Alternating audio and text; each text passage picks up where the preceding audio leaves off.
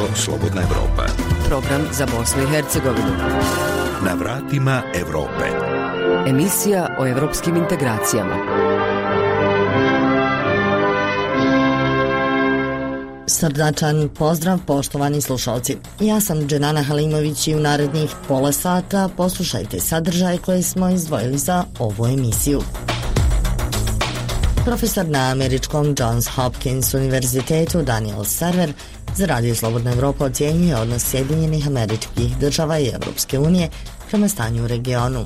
Amerikanci su sasvim jasno dali do znanja da podržavaju postojeće državne strukture.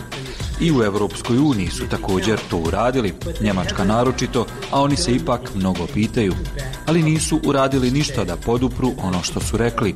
Sporazum Otvoreni Balkan, prilike za trening za pravila Evropske unije. Drobljene državice posle raspada Jugoslavije, Albanija je također jedno novo tržište, jer nije bila zatvorena država potpuno ko konzerva u vreme komunizma i kao ta društva želimo da postanemo deo Evropske unije. Hoće li do 1. septembra bosansko-hercegovačke vlasti izmijeniti izborni zakon i osigurati da se izbori 2022. održe u skladu s Evropskom konvencijom o ljudskim pravima? Nisam optimista da će do toga doći, a i ako dođe, mislim da će doći do, do limitirane promjena koje će se uh, više fokusirati na prava konstitutivni naroda nego na, uh, na suštinu presudne, to je da, da svaki državljan ima uh, jednaku šansu vratima Evrope. Vraćamo se najavljenim sadržajima. Evropska unija i Sjedinjene američke države moraju da djeluju koliko žele da se na Zapadnom Balkanu izbjegnu potencijalne nestabilnosti, ocjenjuje za radio Slobodna Evropa profesor na američkom Johns Hopkins univerzitetu i stručnjak za Zapadni Balkan Daniel Server. Ključnu ulogu, kako smatra, igra Evropska unija koje Zapadni Balkan i pripada. Promjene u Bosni i Hercegovini, navodi Server, treba da traže građani, iako ih u tome obstruiraju politički lideri. Profesore Server, e, nakon svih non-papera koje smo imali priliku da vidimo ili o njima čujemo ovih dana, vi ste odlučili predstaviti svoj koji se tiče Bosne i Hercegovine, ali i Kosova. Kada je riječ o Bosni i Hercegovini, naveli ste potrebu za promjenama koje bi učvrstile funkcionalnost zemlje, ali i jaču ulogu Sjedinjenih američkih država, Evropske unije, ali i ureda visokog predstavnika. Šta vi očekujete od njih, odnosno šta Bosna i Hercegovina može očekivati ako oni ne reaguju? Yes, those are essential ingredients, it seems to me. Da, oni su, čini mi se, ključni sastojci. Mislim da su oni na testu i da su na testu svakodnevno, ne samo od Milorada Dodika, već i od Aleksandra Vulina, ministra unutrašnjih poslova Srbije. A test je da li će Zapad djelovati na prijedloge koji predstavljaju izazov za državne strukture na Zapadnom Balkanu. Do sada nije bilo dovoljne reakcije. Amerikanci su sasvim jasno dali do znanja da podržavaju postojeće državne strukture. I u Evropskoj uniji su također to uradili, Njemačka naročito, a oni se ipak mnogo pitaju. Ali nisu uradili ništa da podupru ono što su rekli. Ja mislim da bi trebali da rade to što su rekli i smatram da bi trebali početi to da rade ili putem sankcija ili drugim sredstvima koje imaju na raspolaganju. Napravili su jednu zajedničku izjavu neruskih članova vijeća za implementaciju mira i to je dobro, ali još puno treba da se zaista i uradi prije nego što Vulin i Dodik stanu.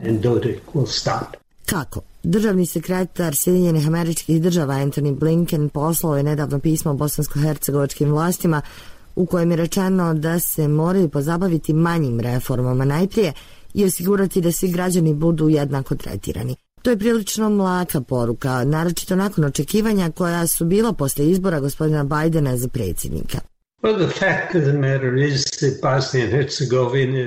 Pa činjenica je da je Bosna i Hercegovina prilično nisko u prioritetima Vašingtona danas i jako je teško iznijeti pitanja koja se tiču Zapadnog Balkana do nivoa predsjednika.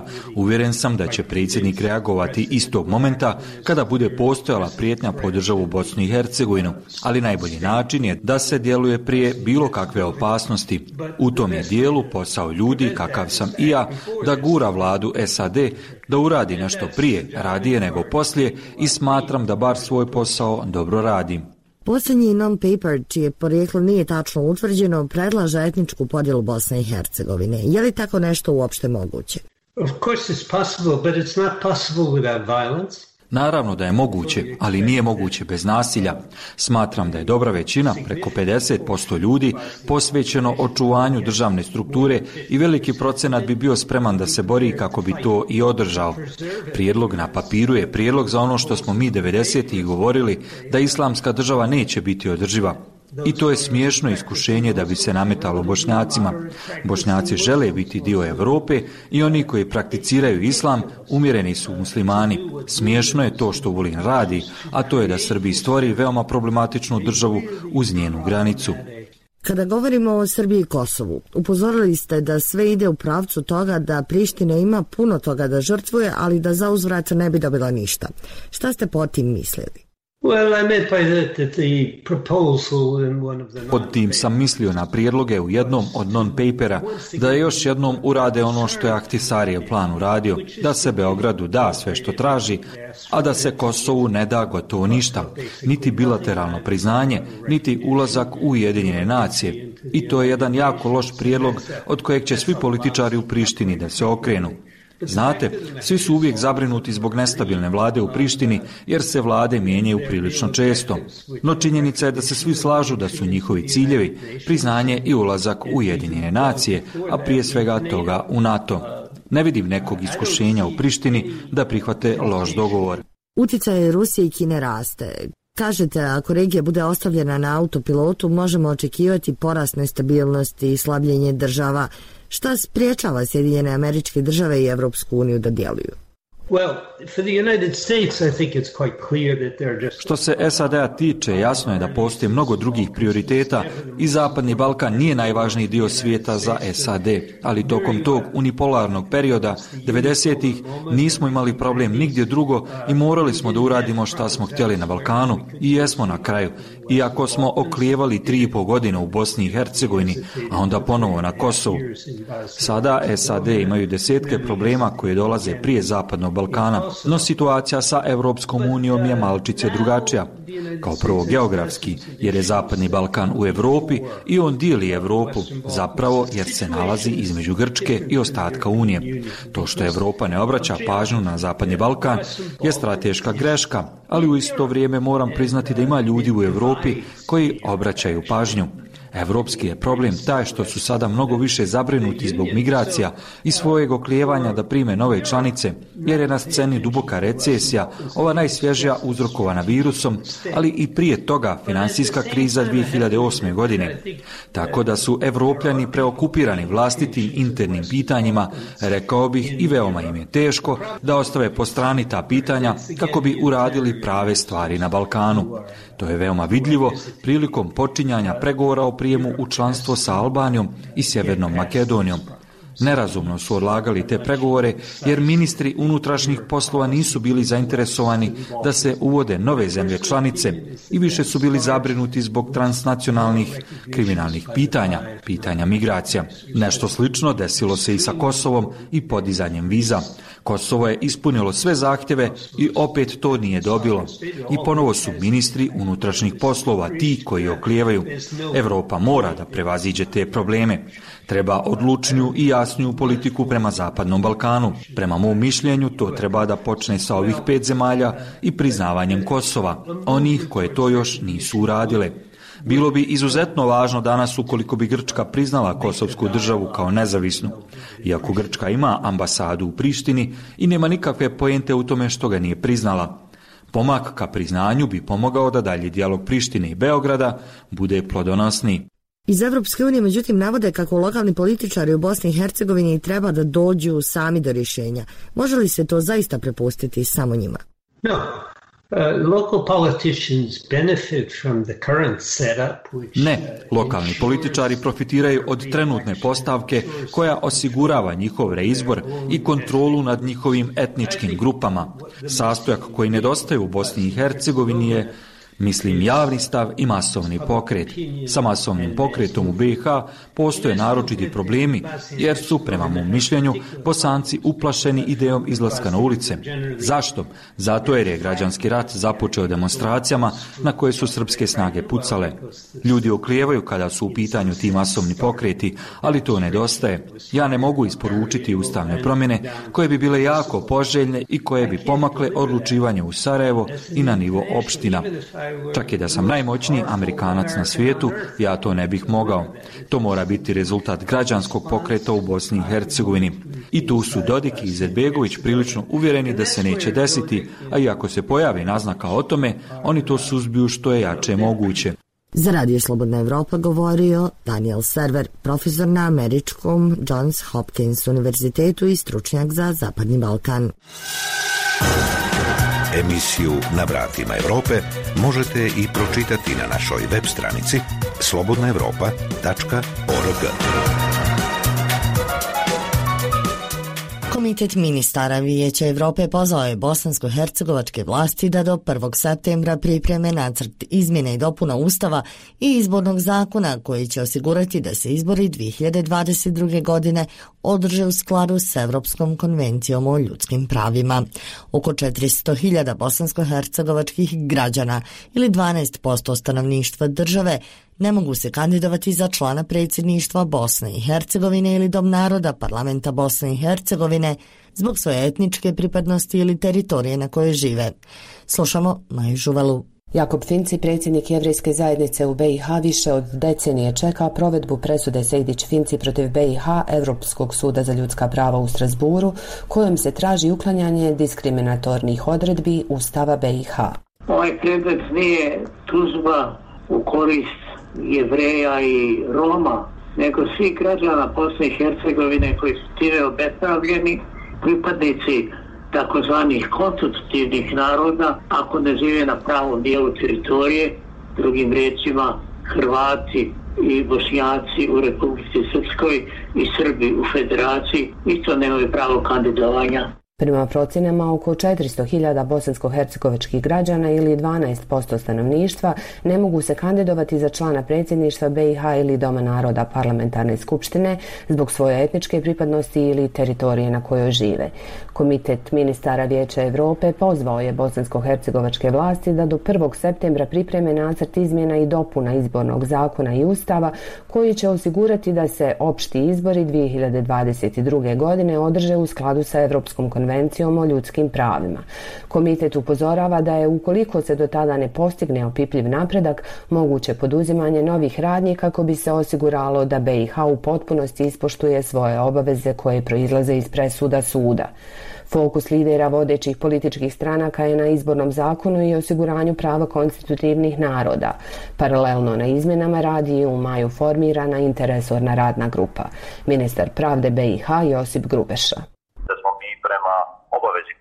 Hercegovina ima prema Vijeću Evrope, trebali napraviti akcijski plan za provedbu presuda Evropskog suda za ljudska prava. Međutim, akcijski plan se podudara sa inicijativom iz Parlamentarne skupštine Bosne i Hercegovine, eh, gdje su tri institucija, to je Dom naroda, zastupnički dom i Vijeće ministara treba tri svoja predstavnika poslati u radnu skupinu za izmene izbornog zakonodavstva i samim tim mi samo potvrdili ono što je već ranije parlamentarna skupština napravila i praktički uh, usvojili akcijski plan identičan onome koji e, već e, funkcionira, odnosno koji radi na izmenama izbornog zakona. Član interesorne radne grupe Damir Arnaut kaže da su izmjene do septembra moguće, ali da vladajućim strankama više odgovara zadržavanje postojećeg stanja stranke koje su trenutno na vlasti u Bosni i Hercegovini, SDA, HDZ i SNSD, svakako su pokazali da nisu u stanju ni puno lakše stvari završiti poput nabavke vakcina, a kamoli ova, izmjene ustava. Ja šta više čak mislim da gospodinu Dodiku Čoviću iz Beloviću upravo i odgovara ovako jedno stanje u kojem su u mogućnosti da građane plaše ratom, eh, ocijepljenjima, sukobima i tako dalje, umjesto da rješavaju njihove stvarne probleme. Iz komiteta ministara međutim upozoravaju da izmjene izbornog zakona bez paralelne izmjene ustava i pune provedbe presude Sejdić-Finci, uključujući uklanjanje diskriminatornih odredbi ustava, ne bi bile moguće. Faris Vehabović, sudac Evropskog suda za ljudska prava, kaže da bi zbog nepoštivanja sudskih odluka BiH mogla ostati bez prava glasa na Skupštini Vijeća Evrope i suočiti se sa suspenzijom u ovom tijelu nisam optimista da će do toga doći, a i ako dođe, mislim da će doći do, do limitirane promjena koje će se uh, više fokusirati na prava konstitutivni naroda nego na, uh, na suštinu presude, to je da, da svaki državljan ima uh, jednak. Iz Sarajeva za radio Slobodna Evropa, Maja Žuvela. Sporazum Otvoreni Balkan koji su u Skoplju potpisali predsjednik Srbije i premijeri Albanije i Sjeverne Makedonije po stupanju na snagu 1. januara 2023. omogućit će ukidanje graničnih kontrola između ovih zemalja, ali već sada nailazi kako na unutrašnje, tako i na regionalne otpore, pripremio Peđa Urošević. Inicijativa Otvoreni Balkan podrazumeva potpisivanje više sporazuma o slobodnom prometu robe. Tako su u Skoplju 29. jula u Severnoj Makedoniji potpisani sporazumi o saradnji na olakšanju uvoza, izvoza i kretanja robe na Zapadnom Balkanu, memorandum o razumevanju i saradnji u vezi sa slobodnim pristupom tržištu i sporazum o saradnji u zaštiti od katastrofa. Inicijativa ne ilazi i na osporavanja. U Prištini su na protestima ispred ambasade Albanije podsjetili na srpske zločine na Kosovu. U Severnoj Makedoniji opozicija Zajeva optužila da nudi otvoreni Balkan kao zamenu za Evropsku uniju, a u Srbiji najglasniji su bili iz opozicijonog i desno orijentisanog pokreta Dveri, rekavši da je takva inicijativa nedemokratska. Dveri Boško Obradović u izjavi za Radio Slobodna Evropa kaže da se inicijativi Otvorni Balkan protivi jer se ona sprovodi bez referenduma. Što se tiče bivšeg mini Schengena, a sadašnjeg Otvorenog Balkana, radi se pre svega o jednoj nedemokratskoj inicijativi od strane predsjednika Srbije Aleksandra Vučića, koji e, nikada tu svoju političku ideju integracija sa pre svega Albanijom, a u drugom koraku i Sever Makedonijom nije proverio na referendum, odnosno građani Srbije nikada nisu imali priliku da se izjasne da li žele tako blizak stepen integracija sa Albanijom i Severnom Makedonijom. Kako kaže Obradović, Srbija ima preče integracije od integracija sa Severnom Makedonijom i Albanijom. Mi iz Srpskog pokreta dveri smatramo da Srbija ima preče integracije od e, ovih i da bi trebala da se posveti nečemu što smo mi nazvali srpski mini Schengen, odnosno mnogo bližem stepenu saradnje i integracija sa Crnom Gorom i Republikom Srpskom, a u drugom koku mi nemamo ništa protiv da se taj onda e, proces proširuje i na e, kompletnu Bosnu i Hercegovinu, Severnu Makedoniju i eventualno druge zainteresovane na Balkanu. Dragan Šormaz, poslanik vladajuće Srpske napredne stranke u izjavi za Radio Slobodna Evropa ocenjuje da je za ceo region nakon raspada Jugoslavije neophodno ukrupnjavanje, pre svega tržišta. Drobljene državice posle raspada Jugoslavije Albanija je također jedno novo tržište, jer nije bila zatvorena država potpuno ko konzerva u vreme komunizma i kao ta društva želimo da postanemo deo Europske unije. Nismo naročito uspešni svi u tom, na tom putu. Ja nisam neko ko voli da kritikuje Europsku uniju, mada i oni su imali neki svojih problema zbog kojih nam je poslednjih godina svima uh, taj, taj put ovaj, uh, na neki način usporen, ali sve u svemu mi moramo da budemo bolji da bismo to uradili kako treba. Šormaz je na pitanje radija Slobodna Evropa da prokomentariše stav lidera opozicionog pokreta Dveri Boška Obradovića kako je za ovu inicijativu potrebno izaći na referendum, rekao da je to nepotrebno. Nikakav referendum nam nije potreban. Ovo je međunarodni sporazum na nivou ingerencija po ustavu vlade, znači skupštine, znači nema potrebe za referendumom, narod bira e, institucije da bi se bavila ovakvim poslovima. Tako da od toga Srbija može imati samo dobrog, ne može imati ništa lošeg, ali ovo ne može biti zamena za Europsku uniju. Sporazum Otvoreni Balkan predviđa postupno stvaranje tržišta sa 12 miliona ljudi, koliko tri zemlje imaju zajedno, odnosno stvaranje jedinstvene ekonomske zone. Ista ideja ranije je bila poznata kao mini Schengen ili mali Schengen, a prvi put je promovisana u javnosti 10. oktobra 2019. godine u Novom Sadu. Za Radio Slobodna Evropa iz Beograda Peđa Urošević. Na vratima Evrope. Šume i šumska zemljišta zauzmaju više od polovine Bosne i Hercegovine. Po raznolikosti vrsta i šumskom bogatstvu Bosna i Hercegovina je vodeća država na Zapadnom Balkanu.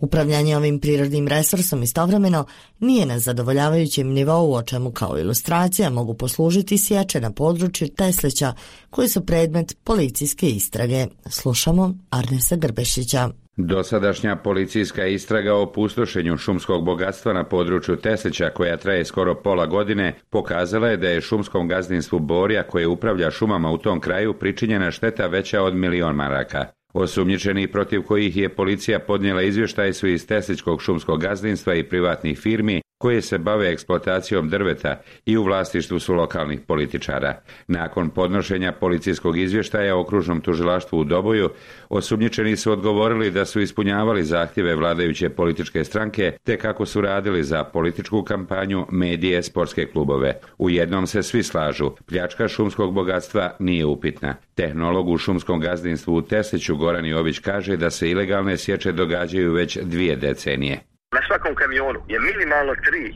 metra kubna više voza. Na svakom, znači ovo odgovor tvrdim. Minimalno 3 kubika više. To je legalna krađa. Kroz papire. Mimo onaj ovaj sjeća i, i krađa bez papira. To su mnogo vredniji sortimenti. Normalno nikad ne vozi ograne. Ako već krade, krade najvrednije sortimente. I načelnik Teslića Milan Miličević ističe da se šume na području te opštine pljačkaju dugi niz godina. Znači jedna kompletna dezorganizacija u kojoj se ne, ne poštuju osnovna pravila eksploatacije šume i gdje se stiču ogromne sume novca koji idu u privatne džepove. Da smo dobivali ona sredstva koja po zakonu dobivamo procentualno od svakog kubika posječenog drveta, naš bi budžet e, opštinski bio jako, jako bogat. Samo obzirom sad i bespravno posječenom drvetu i bespravno nezakonitim količinama drveta, naravno da to ne može ići u budžet. Ali činjenica jest da ogroman taj novac se sliva u privatni džepovi Posljednje istrage u ilegalnim sječama i navodi o njihovoj političkoj pozadini u Teseću mogu poslužiti kao ilustracija lošeg upravljanja šumama u cijeloj Bosni i Hercegovini. Stručnjaci godinama bezuspješno ukazuju na taj problem, govori dekan Šumarskog fakulteta Univerziteta u Sarajevu Ahmet Lojo. Ono što je problem je u stvari, po mom mišljenju, neadekvatna kontrola kvaliteta gospodarenja šumom. Mislim da tu e, imamo premali broj inspektora koji bi mogli kvalitetno da provedu kontrolu i ne samo to, kada se radi o preduzećima šumarstva da provedu kontrolu i dva puta, znači prvi puta kad se radi odobrenja, a drugi puta i kada se sječe završi u određenom odjelu da se vidi kako je to urađeno. Postoji veliki broj pritužbi na čita taj postupak i generalno sistem sam kakav funkcioniše je podložan je korupciji još jednom načelnik Teseća Milan Miličević. Da preduzeće koje se bavi eksploatacijom nekog prirodnog bogatstva i to, to je u ovom slučaju drvo, da ga sječe, prodaje na tržištu, a da ima ogromne gubitke koje ima. To su nenormalne stvari i to samo po sebi govori da tu nisu čista posla. Kriminal tih razmjera može da se radi samo pod okriljem vlasti. Šume i šumska zemljišta zauzimaju oko 63% teritorije Bosne i Hercegovine. Prostiru se na nešto više od 3 miliona i 200 hiljada hektara. 80% šuma je u javnom vlasništvu. Podaci su Ministarstva vanjske trgovine i ekonomskih odnosa Bosne i Hercegovine. Kada su u fokusu nadležnih u jednoj državi zaštita i plansko iskorištavanje šuma, a ne isključivo profit, eksploatacija tog prirodnog bogatstva ne može služiti za sticanje enormne materijalne koristi, objašnjava profesor Ahmet Lojo šumarstvo nije, ako se radi onako kako treba i po pravilima struke, to nije privredna grana koji se može zaraditi ili postati bogat. Znači, uglavnom, ako radite kvalitetno, tu nema nekog velikog novca i zarade i zbog toga država, zbog opšte korisnih funkcija šuma i potrebe onoga e, što su direktne koristi, direktne ili indirektne, ovisno toga e, o kojim se radi, uživa cijelo društvo, cijela država, a ne samo privatni vlasnici ili i sama, onda je država značajna sredstva ulaže u svim razvijenim zemljama u oblast šumarstva, dok je kod nas upravo obrnuta situacija. tehnolog u šumskom gazdinstvu Borja i doktor šumarskih nauka Goran Jović. Mrežan je čitav sistem, znači od, od šumskog gazdinstva, radnika, pojedinih radnika šumskog gazdinstva, menadžmenta do pojedinih drugog predivača. Vlasništvo i upravljanje šumskim resursima je u nadležnosti entiteta, odnosno kantona i Brčkog distrikta Bosne i Hercegovine. Dekan Šumarskog fakulteta Sarajevskog univerziteta Ahmet Lojo ukazuje i na činjenicu da u Federaciji Bosne i Hercegovine od 2008. godine nema entitetskog zakona o šumama. Tu se u suštini sva koplja lome oko nadležnosti. Znači, nacrt nije usvojen zbog toga što se e, interesne skupine nisu mogle dogovoriti o tome ko će biti nadležan za upravljanje i gospodarenje šuma. Znači, da li će i koliki upliv imati lokalne zajednice, kantoni, federacija u cjelini, koliko će se novca uzeti od, od, od, od šumarstva da se da lokalnim zajednicama i tako dalje. To su bila pitanja e, oko koji se kota lomila, mada o nekom stvarno stručnom dijelu nije se puno vodilo računa. Za radio Slobodna Evropa iz Doboja, Arnes Grbešić. Slušajte nas, gledajte nas, čitajte nas. Sve na jednoj adresi slobodnaevropa.org. Mada je Unsko-Sanski kanton u samom vrhu kada je riječ o broj mladih koji napuštaju domovinu i odlaze u zemlje Zapadne Evrope, postoji primjeri povratka u rodni kraj i pokretanje vlastitog biznisa. Cazinjanin Elvir Muhić se uz podršku oca Sulejmana, inače vlasnika građevinske firme u Njemačkoj, vratio u Bosnu i Hercegovinu i pokrenuo biznis u sektoru seoskog turizma. Od 12 novozaposlenih radnika, četvorice su također povratnici iz inostranstva, svi su puni optimizma i svoju budućnost vide u Bosni i Hercegovini. Pripremila Azra Bajrić. Cazinjanin Sulejman Muhić godinama radi u Njemačkoj gdje je vlasnik jedne uspješne građevinske firme. Odlučio se na ulaganje u rodnom kraju gdje je počeo realizaciju projekta u sektoru ruralnog turizma. Iskoristili smo malo bolju zaradu i odlučili u našem kraju da napravimo nešto kao prvo da bi malo zaposlili neke ljude s naše kraja, drugo da bi se naša familija vratila ovde da se ne izgube u inostranstvu, jer to mi nije predstavljalo zadovoljstvo da se vratim u penziju sam, da mi djeca ostanu po svijetu. Jedan od glavnih ciljeva da svoju djecu dovučem dole da budemo zajedno i u starim danima, da dijelimo te neke stvari zajedno. Posao u novoformiranoj BH firmi Euroinvest prepustio je sinu Elvisu, a prvi konkretni ciljevi planiranog projekta ostvareni su ovih dana otvaranjem hotela, restorana i pratećih sadržaja. Hotel ima devet smještajnih jedinica, sve su opremljene po europskom standardu. Restoran ima 150 mjesta, plus vanjske terase. Planiramo da radimo vanjske bazene, pungalove još, igralište za djecu naravno. U firmi u Cazinu zaposleno je 12 radnika, a među njima i četiri mlada Cazinjana, koji su se također vratili iz inostranstva. Mersad Hašić sretan je zbog povratka u rodni kraj. Radio sam pet godina u Njemačkoj za istog vlasnika i vratio se naš četvrce. Mislim da se neću nikad ni pokajati. E, ovdje sam u gostelj, a gore sam bio na bauštela. Ovdje je 8 sati radni, možeš više biti svojom familijom, kući, to sve, ali gore 10 sati radni. A zarada? Nije puno manja. Poruka svim mladima da, da se vrate u svoj domovinu, da živimo, da radimo u svoj domovinu. Ja se zovem Suljuša Bančević, 30 godina, trenutno i nadam se za budućnost, glavni kuhar. Prije sam radio u Austriji, isto kao šef kuhinje. Vratio sam se tu gdje sam započeo stari život, novu budućnost u ovako lijepom ambijentu. A uvijek je bolje kod kuće svoje i daleko od toga da sam se pokajao. Ovo je moja država koju ja izuzetno volim, moj grad, moji ljudi, moje radno novo mjesto i ja sam lično jako presretan što sam se vratio. Vlasnici Muhići naglašavaju kako nisu nailazili na prepreke u realizaciji projekta, te da ne treba sve gledati samo iz ugla dobiti. Za Radio Slobodna Evropa, Azra Bajrić.